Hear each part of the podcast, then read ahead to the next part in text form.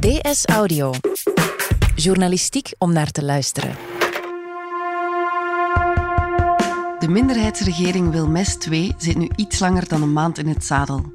De opdracht van premier Sophie Wilmes is duidelijk: het coronavirus bestrijden. Ze kreeg daarvoor zelfs volmachten van de Kamer, wat betekent dat ze beslissingen kan nemen zonder eerst de goedkeuring van het parlement te moeten vragen. Maar een onverdeeld succes is dat nog niet geweest. Zo werd het besluit van vorige week woensdag om beperkt bezoek aan woonzorgcentra weer toe te laten, na bakkenkritiek uit de sector zelf, nog geen dag later teruggedraaid. Knopen doorhakken en helder communiceren, het blijkt voor Wilmes een probleem. Het is dinsdag 21 april. Mijn naam is Lise Bonduel en van op afstand is dit DS Audio.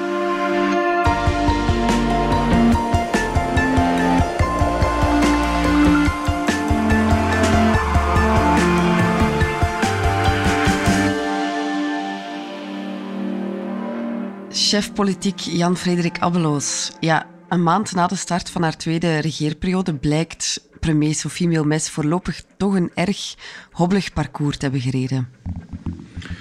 Uh, ja, dat klopt. Uh, bij uitbreiding uh, eigenlijk ja, haar volledige regering, politiek in zijn geheel, maakt een vrij slechte beurt. Mm -hmm. Als we zien naar vorige week, toen de Veiligheidsraad samenkwam, de manier waarop er gecommuniceerd werd over woonzorgcentra, over festivals, over doe-het-zelfzaken. Dat was niet volgens het boekje, zeg maar. Mm -hmm. Leg misschien eerst nog eens even uit, wat is er vorige week woensdag en donderdag eigenlijk precies gebeurd? Wel, op uh, woensdag kwam de Veiligheidsraad samen, de Nationale Veiligheidsraad. De Veiligheidsraad. De Veiligheidsraad. De Veiligheidsraad. Het uh, kloppend hart, zeg maar, van het uh, crisisbeheer in ons land op dit moment. Waar de federale regering vertegenwoordigd is samen met de regio's, samen met experts en bevoegde diensten ja, beheren zij op dit moment de coronacrisis en proberen zij ook straks te sleutelen aan de exit zeg maar, uit uh, de milde lockdown die we kennen vandaag de dag. En woensdag werden daar een paar maatregelen, laten we zeggen versoepelingen, aangekondigd. De maatregelen in de strijd tegen het virus zijn verlengd, zoals verwacht, tot 3 mei. 3 mei. 3 mei. Daarna komt er mogelijk een versoepeling met enkele minimale wijzigingen. Een eerste was dat mensen in woonzorgcentra en, en andere zorginstellingen opnieuw bezoek mogen ontvangen. Dus eigenlijk uh, ja, één familielid. Eén bezoeker per bewoner. Mocht uh, op bezoek, uh, op voorwaarde dat hij voldoende lange tijd al gezond was. Uh, een andere aankondiging was dat naast de algemene supermarkten nu ook doe-het-zelfzaken en tuincentra de deuren mochten openen. En in de twee gevallen bleek er meteen erg grote onduidelijkheid over, ja, in het eerste geval de maatregel zelf. Kon dat wel bezoek toestaan in de woonzorgcentra? Viel dat wel praktisch te organiseren? Mm -hmm. En in het tweede geval was de vraag vooral... Welke tuincentra en doe-het-zelfzaken weer open mogen? Vanaf wanneer uh, gaan die tuincentra en doe-het-zelfzaken opnieuw open? En uh, hoe moet dat dan allemaal georganiseerd worden? En welke politici waren erbij toen de beslissing werd genomen om enkele maatregelen te versoepelen? Wel, um, de voornaamste beslissingen daar in de Veiligheidsraad worden altijd genomen door, uh, laten we zeggen, premier Wilmes met haar vicepremiers en dan de minister-presidenten van de regio's, dus onder andere Jan Jambon voor Vlaanderen, uh, Elio Di Rupo voor Wallonië. Ja, dat, dat zijn de voornaamste eigenlijk, uh, die constellatie.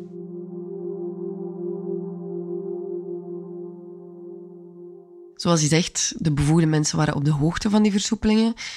Waarom kwam er dan toch meteen grote kritiek op dat besluit om die woonzorgcentra te heropenen? Wel, als we daarop focussen, dan uh, is inderdaad iets heel raars gebeurd, waarbij dat luttele uren nadat uh, premier Wilmes aankondigt dat bezoek zal mogelijk worden in de woonzorgcentra, bevoegd Vlaams minister Walter Beke zegt van ja, nee, we gaan dat niet doen. Dat uh, zullen wij samen met de sector bespreken.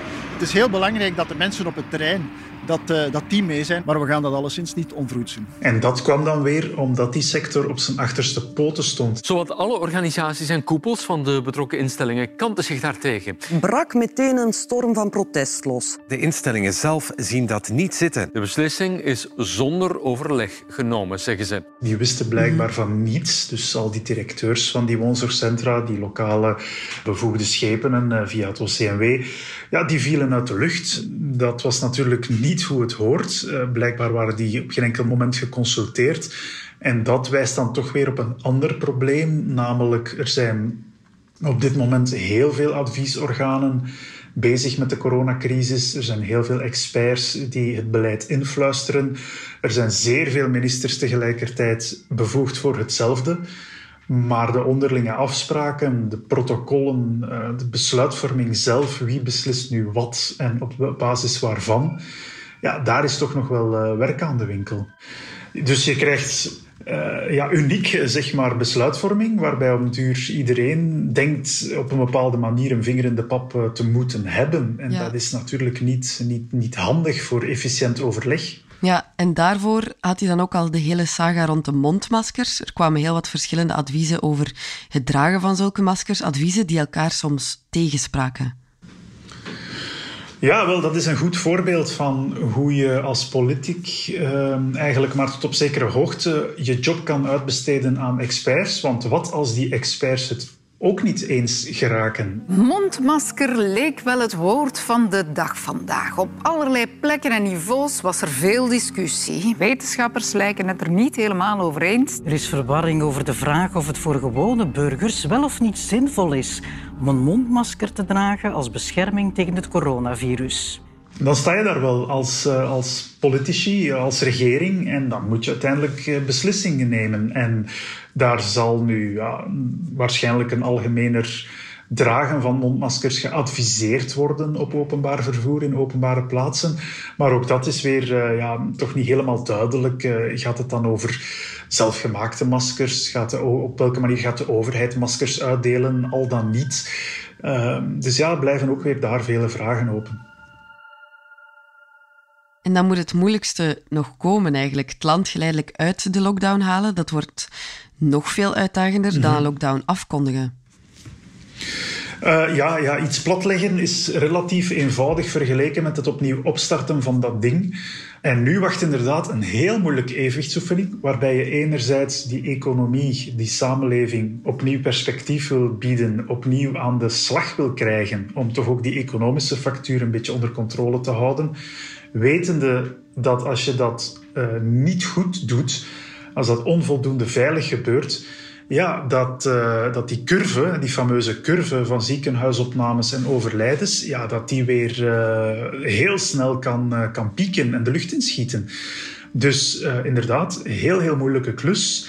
En als we somber zijn, ja, dan is de ervaring van vorige week niet van die aard dat we met heel veel vertrouwen zeg maar, naar de toekomst eh, kunnen kijken op dit moment.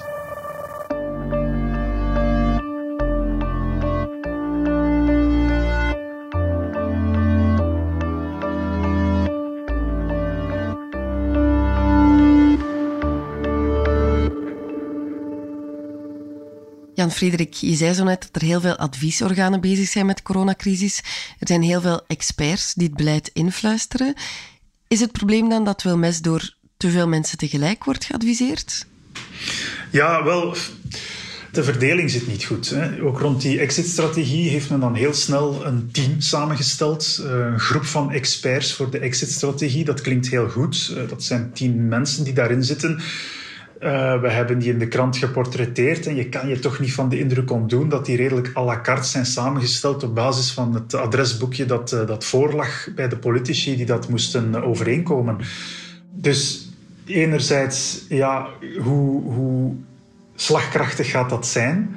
Mm anderzijds zitten daar ook geen uh, armoedewetenschappers in, er zitten geen klimaatwetenschappers in, daar zitten geen ethici in, terwijl dat toch ook wel belangrijke ethische dilemma's op ons afkomen. Ja. Daar, zitten geen, uh, zitten geen sociologen in, filosofen. En je voelt dat er toch ook vanuit de menswetenschappen druk komt om ehm, ja, ook een, een, een, zegje te mogen doen. Dus het, je zit eigenlijk op dit moment met een dubbele kritiek. Je hebt mensen die vinden dat Sophie Wilmes eigenlijk te weinig uh, mensen consulteert. En anderzijds heb je mhm. nu al de kritiek dat er zoveel volk bezig is met die exit-strategie en ook het economische relanceplan, dat dan weer door een andere club zal gemanaged worden, mhm. dat, uh, dat het vooral onduidelijk is wie heeft nu de richting aan, wie bepaalt nu de, uh, de contouren van die strategie. Mm Veel mensen zijn bevoegd en betrokken En dat heeft dan als gevolg dat uiteindelijk niemand de verantwoordelijkheid neemt om een beslissing te nemen. Wel, uh, in een uh, ideale wereld is die, ligt die verantwoordelijkheid op dit moment meer dan ooit op het federale niveau. Uiteraard in samenspraak met alle betrokkenen en alle regionale ministers om, uh, om de richting aan te geven. Maar het is wel die federale regering die de boel moet overschouwen. Zij moeten de helikoptervisie hebben. Mm -hmm. En dan zit je met het probleem van leiderschap en draagvlak. Dit is en blijft een regering. De regering Wilmes die steunt op 38 zetels in het parlement, die dus verre van een meerderheid heeft, die daardoor afhankelijk is van de wankele steun van verschillende oppositiepartijen, die weliswaar beschikt over volmachten. Maar ja, je moet ook weten wat je wil en kan doen met die volmachten. En op dit moment, bij gebrek aan een regeerakkoord, bij gebrek aan een parlementaire meerderheid, heb je toch ook de indruk dat die federale regering Wilmes niet helemaal goed weet waar ze nu naartoe wil. En dat is natuurlijk het moment waarop je de zaak uitbesteedt aan experts, hopende dat zij komen met een kant-en-klare oplossing die je vervolgens maar moet uitvoeren. Maar het is een naïeve gedachte, omdat je natuurlijk, wanneer je het hebt over het opnieuw opstarten van onderwijs, sterke versus zwakke leerlingen, wanneer je het hebt over welke bedrijven gaan we staatssteun geven of niet, uh, bij, om het heel cru te zeggen, hoeveel uh, doden zijn we bereid uh, te in te calculeren in naam van de heropstart van een economie. Dat zijn door en door moeilijke ideologische vragen die je, denk ik, ook moeilijk kan uitbesteden aan wetenschappers. In onze weekendkrant stond een interview met Wilmes. Daarin omschrijft ze zichzelf ook als een, een consensuszoeker. Iemand die niet per se mm -hmm. politiek wil scoren, dat klinkt wel niet meteen alsof ze van plan is om minder mensen te betrekken bij het nemen van besluiten. Ja, ze is natuurlijk uh, heel erg uh, aan handen en voeten gebonden aan die beperkt aantal kamerzetels waar ze over beschikt. Zaterdag komt zij dus samen uh, met tien verschillende partijen in een online mini-conferentie, zeg maar waar zowel Groen als N-VA mee aanschuiven om te horen van de regering Wilmes wat nu het plan is. Dus ja, consensus zoeken is zeer goed. Hè? Maar mm -hmm. uh, wanneer de bandbreedte zo breed wordt, hè, gaande van Groen tot N-VA en alles daartussen dan is de vraag, ja, kan je daar consensus zoeken? Ja, en dan sta je daar als, als premier met 38 zetels. Uh, een minderheidsregering hoeft geen probleem te zijn in vredestijd, zeg maar. Maar nu is dat natuurlijk een heel moeilijk werkbaar iets. Dus het is en blijft zonde dat we deze crisis te lijf moeten gaan met de minderheidskabinet. -hmm. Maar dat ze een minderheidsregering leidt, zou toch geen excuus mogen zijn voor het niet krachtdadig doorhakken van knopen? Want uiteindelijk, daar dienen die bijzondere volmachten wel voor die ze van de Kamer gekregen heeft. Wel ja, het kan inderdaad op zich geen excuus zijn. Het, het, eh, draagt bij tot de complexiteit van de zaak. Het is niet ideaal, maar het blijft wel dat de regering Wilmes volmachten heeft gekregen. Dus van het parlement heeft ze alleszins niet veel last. Mm -hmm. Die volmachten worden breed gedragen. Uiteindelijk heeft die regering ook de steun gekregen in het uh, parlement. Maar wat je ziet is dat het uh, toch wel ontbreekt aan aan zelfvertrouwen uh, en aan een gedeeld project. Dit is de grootste economische en, en, en, volksgezondheidscrisis waarschijnlijk sinds de Tweede Wereldoorlog. Dit zijn onuitgegeven tijden. Hier is geen draaiboek voor. Dus moet je eigenlijk gaan terugvallen op je ervaring en je gut en je, ja, zeg maar, je politieke instinct. Mm -hmm. En dat is iets wat je natuurlijk ook misschien niet kan verwachten uh, van een eerste minister die nog niet zo lang geleden enkel eerste schepenen was in Sint-Genesius-Rode. Dat is mm -hmm. geen verwijt, dat is gewoon een vaststelling. Maar als je dan ziet een, iemand als Emmanuel Macron in Frankrijk, Angela Merkel in Duitsland, ja, die spreken toch wel met net iets meer autoriteit, uh, hebben ook meer ervaring, hebben een sterkere partij of sterkere partijen achter zich. Uh, ja, en dat draagt allemaal bij tot het beter kunnen overbrengen van de boodschap. -hmm. Heeft Wilmes een communicatieprobleem? Het is inderdaad wel zo dat ze uh, om te beginnen heel weinig communiceert. Uh, ze stond uh, vorig weekend in de Standaard met een groot interview. Ja. maar dat zie je zelden. het was heel veel kritiek tijdens het paasweekend op Wilmes omdat zij afwezig was. Terwijl het op dat moment duidelijk was dat de lockdownmaatregelen te veel aan de laars gelapt werden door te veel mensen. dat is toch het moment dat een premier de bevolking zou moeten toespreken uh, in de hoop dat ze dan enige impact zal hebben. Maar goed, zelf zegt ze dat ze op dit moment ja, heel, heel hard werkt. Uh, weinig tijd heeft om te communiceren. Maar goed, uh, een van de taken die een premier heeft, is natuurlijk het land te woord staan. En in het buitenland zie je dat uh, Macron, Conti in, in Italië dat veel meer doen die frequentie zou toch bij Wilmes ook uh, wel mogen opgedreven worden, denk ik. Mhm. En wat zou ze nog kunnen doen? Um, wel, ik denk vooral goede afspraken maken tussen wat het mandaat is van elk één. Wat verwacht je nu van al die adviesgroepen uh, die, er, die er bestaan? Mm -hmm.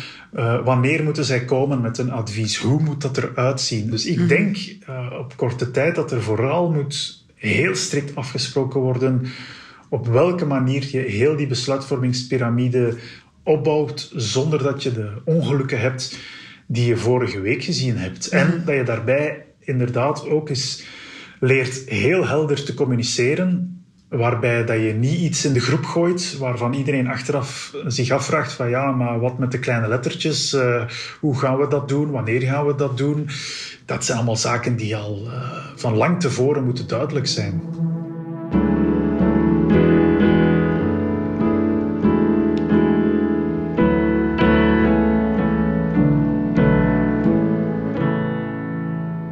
Federaal niveau zijn er drie partijen die de regering van Wilmes niet steunen. Dat zijn Vlaams Belang, de PvdA, PTB en de N-VA.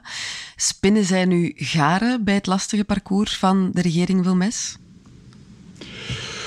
Goh, dat is uh, moeilijk om te zeggen. N-VA zit uh, van die drie ook nog eens in de speciale situatie dat zij inderdaad de regering niet steunt, maar wel die volmachten heeft goedgekeurd. Dus dat is een lastige spagaat uh, voor die partij. Dat merk je aan alles. Um, via de Vlaamse regering zit hij dan natuurlijk ook mee aan de knoppen. Mm -hmm. uh, toch op Vlaams niveau. En daardoor ook heeft een zitje in de Veiligheidsraad via Jan Jan Bon. Dus het is voor de NVA heel moeilijk om op dit moment te weten hoe ze zich moeten opstellen. Mm -hmm. Dat was ook te merken aan de online campagne van NVA-voorzitter Bart Wever. Die had op Facebook een advertentie geplaatst waarin hij zei dat hij als burgemeester van Antwerpen het verbod om uit te rusten op een bankje op het park niet zou afdwingen. Mm. Ja, dat klopt. Ja, dat was een schoolvoorbeeld van een, een twijfelende partij. Hè. Enerzijds uh, keur je al die maatregelen die genomen worden binnen de Veiligheidsraad goed. Anderzijds ja, heb je toch vragen bij een aantal van die maatregelen of hoe ze geconcretiseerd worden. Ja, en dan uitzicht dat enerzijds in een terechte kritiek, denk ik, van uh, de burgemeester van de grootste stad uh, van Vlaanderen. Van ja, die lockdownmaatregelen in een grootstad handhaven. Dat is niet evident. Misschien moet je daar een souplesse aan de dag leggen die je misschien niet hoeft aan de dag te leggen ergens in een, eh, een buitengemeente. Maar goed, vanaf dat punt dan de stap zetten om een campagne uit te rollen, een betaalde advertentie op Facebook, waarbij je dan ook nog eens zelf ostentatief op een bankje zit. Ja, goed, daar heeft hij zelf al van toegegeven dat dat geen goed idee is. Um, maar het zijn zo van die dingen die af en toe toch ja, aan een politicus blijven kleven, mhm. zoals het dan heet. Uh, Vlaams Belang en PvdA hebben daar inderdaad minder last van. Die beuken voluit in op het crisisbeheer of vanuit hun perspectief het gebrek daaraan. Uh, hekelen de wantoestanden met de mondmaskers, de stok die vernietigd is, de moeilijkheid waarmee Maggie de Blok en Philip de Bakker uh, die mondmaskers tot in België krijgen, de testingcapaciteit die toch nog altijd achterblijft en zo verder enzovoort. Dus ja, het zijn voor die partijen uh, hoogdagen, zou je zeggen. Mhm. Want dat is altijd de, de clue. Hè. Je haalt die stemmen op het moment dat uh, de bevolking niet alleen het eens is met jouw kritiek, maar ook nog eens het gevoel heeft dat jij als partij het beter zou gedaan hebben. Mm En dat wordt dus de grote vraag. Die protestpartijen Vlaams Belang, PVDA, als die echt groot willen worden, of nog groter willen worden, want Vlaams Belang is natuurlijk al een grote partij, ja, dan gaan ze ergens ook moeten de, de kiezers het gevoel geven van met ons aan de knoppen zou het uh, beter geweest zijn. Alleen ja, ken je het antwoord niet uh, op die vraag natuurlijk. Mm -hmm. N-VA-voorzitter Bart Wever zei gisterenochtend ook nog dat uh, het verlengen van de volmachten van de regering Wilmes tot na juni, zoals nu is afgesproken, het verliezen van kostbare tijd is. Mm -hmm. Maar uh, ook bij de socialisten, die Wilmes wel steunen, neemt kritiek momenteel toe. Mm -hmm. SPA-voorzitter Conor Rousseau zei op sociale media zelfs get your shit together. Als het niet duidelijk is, mogen we dat ook zeggen. Hoe groot is nu eigenlijk de kans dat die volmachten zullen worden verlengd? Wel, ja, dat hangt er maar vanaf. Uh, niemand lijkt op dit moment nog heel erg tevreden met het compromis dat, uh, dat in maart uit de hoed is getoverd. Maar uh, de vraag is eerder wat je ermee opschiet om ze niet te verlengen. Mm -hmm. uh, je krijgt dan een regering die nog altijd een meerderheid heeft in het parlement. Hè, want het, ze heeft de vertrouwensstemming overleefd. Dus tot nader orde is dat bijvoorbeeld geen regering die in lopende zaken gaat. Dat is een beetje een misverstand. Dus ja, als je die volmachten wegneemt, ja, dan heb je nog altijd die regering Wilmes. Ja. Alleen is dat een regering die niet over meerderheid beschikt. Dus die zou voor elke beslissing die ze neemt naar het parlement moeten gaan. Gaat daar dan in dat parlement partijen uh, de boel gaan vertragen, saboteren, geen steun toezeggen? Ik kan het me eigenlijk moeilijk voorstellen, want voor je het weet krijg je de zwarte piet toegespeeld dat jij hier het noodzakelijke crisisbeheer. Aan het uh, uithollen bent. Tegelijkertijd, als je het langs de andere kant bekijkt, zou het misschien niet slecht zijn dat een aantal aspecten misschien net uh, wel via de parlementaire weg eens deftiger bekeken worden. Mm -hmm. Misschien hadden we uh, het fiasco van vorige week uh, niet gehad, hadden die plannen rond de bezoekregeling, bijvoorbeeld rond de heropstart van doe-het-zelf-zaken uh, en tuincentra, hadden die eerst eens uh, langs het parlement gepasseerd. Misschien had dan iemand gezegd van ja, maar zijn die woonzorgcentra wel op de hoogte? hoe gaan die tuincentra dat doen? Wat is het verschil tussen een tuincentrum en een bloemenwinkel? Enfin, al die zaken die nu pas last minute duidelijk werden, zouden dan misschien sneller uh, duidelijk zijn geworden. Dus er is voor en tegen, maar de idee dat de situatie er eenvoudiger zal op worden als je die uh, volmachten wegneemt, ja, dat moeten we toch wel tegenspreken. Het zal er alleen maar complexer op worden. En hoe ziet de toekomst van Wilmes er dan eigenlijk uit? Half juni worden de volmachten geëvalueerd. Mm -hmm. Is er een alternatief voor haar minderheidsregering? Wel, ja, ofwel worden die volmachten dus goed verlengd of niet. Worden die verlengd, ja, dan houdt de situatie aan zoals ze nu is. Uh, worden niet verlengd, dan val je dus terug op een regering met een minderheidskabinet zonder volmachten. Dat is dus een regering die eigenlijk voor elke beslissing die ze neemt de steun zal moeten zoeken uh, van een meerderheid in het parlement. En aan die situatie komt dan meer dan waarschijnlijk een eind in september, wanneer Wilmes uh, sowieso beloofd heeft om opnieuw het vertrouwen te zullen vragen in de Kamer. Dan zal blijken in hoeverre voldoende partijen blij zijn met de werking uh, om ze eventueel verder te zetten. Maar de uiterste consequentie is dat ja, die regering niet verder doet, dat ja. die terug in lopende zaken gaat. En dan kom je eigenlijk terug in de situatie van voor de coronacrisis, waarbij je opnieuw heel de discussie krijgt over ja, welke regering gaan we vormen. Wordt dat, hè, ik durf het bijna niet te zeggen, hè, paars-geel of wordt het paars-groen plus CD&V, Vivaldi? Dan komen al die discussies uh, opnieuw terug naar boven. Uh, inclusief de discussie of dat je gewoon niet opnieuw verkiezingen moet hebben. Maar ja. dat zal meer dan waarschijnlijk uh, voor september zijn dat we daar ons hoofd gaan overbreken. Bedankt voor de analyse, Jan-Frederik. Graag gedaan. Dit was DS Audio. Wil je reageren? Dat kan via dsaudio.standaard.be. In deze aflevering hoorde je Jan-Frederik Abbeloos en mezelf, Lise Bonduel. De redactie gebeurde door Brecht Plasgaard en Pieter van Malen. Pieter deed ook de eindredactie. Brecht Plasgaard deed de audioproductie. Brecht schreef ook de muziek die je hoort in deze podcast. Chef audio is Wouter van Driessen. De extra geluidsfragmenten die je hoorde kwamen van VRT en Belga. Vond je deze podcast interessant? Weet dan dat je er elke werkdag één kunt beluisteren. Dat kan via de DS Nieuws app of via standaard.be-audio. Je kunt je ook abonneren via iTunes, Spotify of de podcast app van je keuze. En als je daaraan toch bent, schrijf gerust een review. Zo toon je ook anderen de weg. Morgen zijn we er opnieuw.